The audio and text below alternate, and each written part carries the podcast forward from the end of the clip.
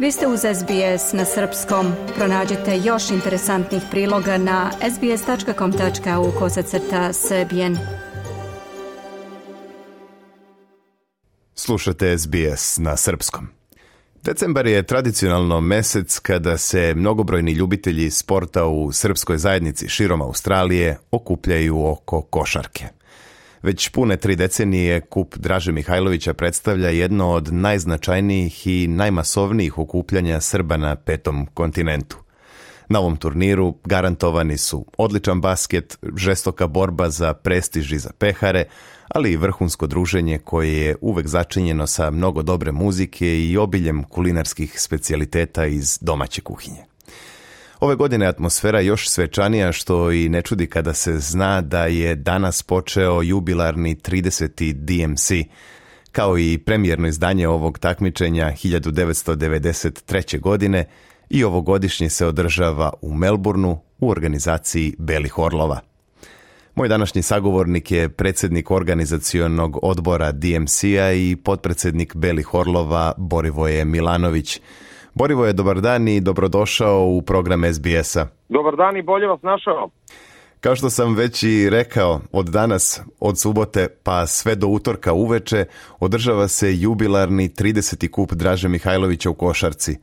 Kako su protekle pripreme za turnir i koliko ekipa različitih uzrasta imate ove godine? Prvo, hvala na pozivu i hvala što promovišete ujedno sport u Australiji. A što se tiče same organizacije, znači organizacija je još krenula od prošle godine od Vulogonga, gde smo mi kao domaćini već reklamirali da će ove godine biti 30. jubilarni košarkaški turnir Kupa Draža Mihajlovića u Melbourneu. Naravno, uz sve to imamo veliku podršku Srpskog sportskog centra Iske izbore, koji nam je omogućio da organizujemo u njihovoj sali koja je ujedno i renovirana posle 30 godina da organizujemo Welcome Night, odnosno dobrodošlicu svim košarkašima i trofejsko veče gde će biti dodela pehara i medalje. Naravno, to ja ne organizujem sam, ima nas, boga mi, preko 40 organizaciji, to volontera za hranu, piće, organizaciju medalja do cateringa na samom stadionu. Ove godine ovaj, to će biti u provi u školi, ali o tom potom još ću objasniti. Boro, kaži nam nešto više o tome u koliko različitih selekcija ćete imati ekipe ove godine, koliko takmičara očekujete uopšte na DMC-u? Ovako, po mojoj e, evidenciji koju ja imam i uprava košarskog kluba Belih Orlova, bit će 62 ekipe, znači tu su uključene seniorske i juniorske ekipe i to je ujedno i rekord takmičenja gde ćemo očekujemo između 450 i 500 igrača. Pošto do sada najveći rekord je bio u Vulogom gde je bilo 45 ekipa, mi ćemo imati 62, zato ćemo morati već 23. decembra da praktično otvorimo turnir, jer da bi sve smestili praktično u 2-3 dana, mi smo neke utakmice između lokalnih klubova u Melbourneu, znači Belih Orlova i Košarčkog kluba otpisani, već napravili e, šemu da oni igraju između sebe da bi rasteretili nedelju. Znači, očekujem veliki broj ljudi i očekujem veliki broj košarkaša. Biće jako, jako zanimljivo. Boro, prošle godine titulu je osvojio Obilić iz Sidneja i tako postao najuspešniji klub u istoriji takmičenja. Pa može li neko ove godine da zaustavi aktualne šampione bar u seniorskoj konkurenciji? Što se tiče Obilića, ima jedna pesma koju oni često pevaju, meni je to interesantno kad kažu Obilić je neverovatan tim, ali ove godine ovaj košarkaški klub Beli Orlovi nemaju klasično u prvoj diviziji prvi tim, imamo u drugoj. Međutim, e, otpisani se polako spremaju i imaju jako mladi, perspektivan tim sa, e, sa igračima koji igraju po ligama koje su jako, jako velike u Viktoriji. Tako da ja očekujem jako interesantan turnir isto Red Star ili Crvena zvezda dovodi, oni su uvek konkurentni, tako da će biti jako interesantno specijalno u prvoj diviziji. U drugoj diviziji čak imamo, ja mislim, ost, e, šest ekipa, među kojima je i moja ekipa, i tu će biti isto velika konkurencija. Ja ne znam da li će Obilić osvojiti, ali će imati veliku konkurenciju. Spomenuo si malo čas da se turnir igra na terenima srednje škole u Rovilu.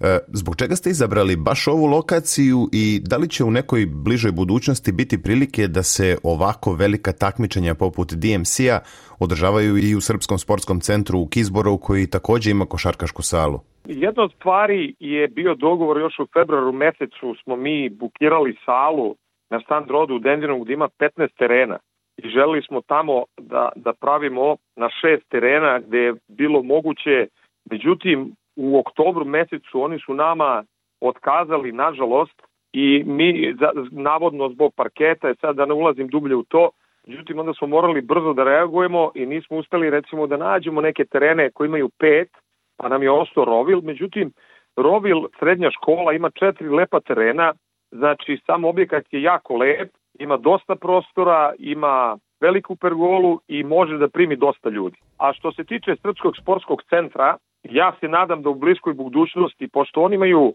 planove da grade makar još jednu salu, ako ne i dve, jer ima prostora, moguće da u budućnosti, možda za deseta godina, možda i ranije, bude nešto, jer oni jako vredno rade kao uprava Srpskog sportskog centra na objavljanju svega toga što je kupljeno pre 30 godina i sad to dolazi taj rad do izražaja, vidjet ćete novu salu kada bude bio trofej najt i tako dalje. Tako da se nadam u bliskoj budućnosti da će se to desiti. To bi bio pravi događaj za nas, da uradimo, što bi rekli naši, u svojoj matičnoj kući kuće Belih Orlova košarkaškog kluba.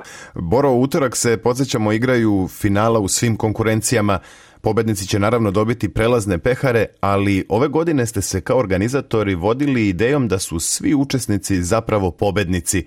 Kaži nam nešto više o tome. Nama je bila ideja vodilja pre svega taj jubilej 30 godina koji je, na primer, Predrag Pjanić, koji je jedan od osnivača tog turnira i kluba, je došao na sjajnu ideju da mi praktično obezbedimo 450 medalja za igrače. Znači, kao što si ti rekao, svi ćemo biti pobednici u svemu tome i svako dete će dobiti medalju da ima veliku uspomenu da je jednog dana igro na 30 godina od osnivanja tog kupa, jer niko nije bio svestan da će to tako da se razvije. Boro, pored toga što će se odigrati na desetine košarkaških utakmica, organizatori su izdvojili i vreme za druženje, zabavu i dobar provod svih učesnika i ljubitelja košarke koji budu naravno došli da prate utakmice. Kakav ste događaj organizovali prvog dana, a šta se dešava u ponedeljak kada timovi budu imali slobodan dan? Evo ovako, praktično ja mislim da će biti između 108 i 110 utakmica a ono kao što sam malo pre rekao, znači danas ćemo imati znači desetak utakmica da bi rasteretili program i posle toga 24. se igra ceo dan od praktično 8 ujutru kad kreću juniori do 9-10 uveče da bi uspeli sve da ispoštujemo. Onda ide slobodan dan 25. decembra gde obično ljudi se skupljaju, idu na plaže, prave se roštilji, jedno veliko druženje kao što smo imali u Ulogongu I onda 26. su finala juniora i seniora, da bi posle toga zatvaranje programa bilo 26. od 7 uveče u Srpskom sportskom centru u Kizbori sa muzikom, znači posle dodelje medalja i svega ostalog i sledi naravno ono naše muzika i dokle god možemo da ostanemo nikakav problem. Dokle, znači, dokle ko izdrži, jel tako? Tako je, pa što se mene tiče, ja mogu da igram ceo dan i noć, nikakav problem. Boro, kao što smo spomenuli, ti si angažovani u upravi Belih Orlova iz Melburna gde obavljaš funkciju potpredsednika kluba. Kako ste kao uprava zadovoljni napretkom i razvojem Orlova kao jednog sportskog kolektiva u izrazito multikulturnoj sredini kao što je Dandenong? Pa mogu vam reći, samo ću imati mali kratak uvod. Ja kao eto, čovek koji voli mnogo sporta, stvarno volim i košarku i futbal. I ovaj, ja sam želeo da moje dete samo igra, da krene s košarkom i da igra za naš klub. Ujedno tu je bio najstariji trener naš koji više nije u klubu, ali on je znači, imao tu ekipu i sad šta se tu desilo? Promenila se uprava, ušli smo u sve to, ni ne slutići šta će se desiti. Mi smo znači sa 5 otišli na 10, 15, 20, 30, da nije bilo korone, mi bi sad imali 200 dece. Dobrom organizacijom, voljom ljudi da pomognu. Ljudi, e, samo po sebi je počelo da raste i deca su počela decu da dovode, ali mi nismo samo, ne mi samo srpsku decu, znači imamo otprilike jedno 100 do 110 naše dece, jedno 30 do 40 dece koje nemaju srpsko poreklo, znači to su Grci, to su Ozi, to su Rusi, to su ljudi sa drugih kontinenta, tako da stvaramo jednu multikulturalnu zajednicu gde kako vreme ide, nama će biti malo i dve sale. Dovodimo znači situaciju tu da deca uživaju u svemu tome. To nam je to nam je to nam je cilj kroz sport. Šta reći svaka čast i za tu inkluzivnost, ali i za tu ambiciju da toliko radite na rastu i razvoju belih orlova. Boro, za kraj, kaži nam još jednom na kojoj adresi i u koje vreme se odigravaju finalni mečevi ovogodišnjeg kupa Draže Mihajlovića? Uh, finalni mečevi odigraće se u Roville Secondary College, broj 9, Hemsley Way, tako da što se tiče uh, nedelje, to će biti od 8 ujutru do 9 uveče i utorak od 9 ujutru do 6 popodne praktično gde će finalni meč seniora biti od 5 i 10 do 6 i posle toga se ide u Srpski sportski centar. I naravno, uh, pozvao bi sve da dođu, ulaz je besplatan, nema veze da li volite košarku ili ne, dođite da se družimo, dođite da proslavimo 30 godina kupa zajedno. Boro, hvala ti puno na razgovoru i na izdvojenom vremenu. Želim ti mnogo uspeha u daljem radu. Hvala takođe i sve najbolje. Bio je to Borivoje Milanović, podpredsednik Košarkaškog kluba Beli Orlovi iz Melburna i predsednik organizacionog odbora ovogodišnjeg kupa Draže Mihajlovića koji se upravo održava u Melbourneu. Moje ime je Branko Cvetojević. Ostanite uz SBS na srpskom. Dajte like, podelite, komentarišite. Pratite SBS Serbian Facebook profil.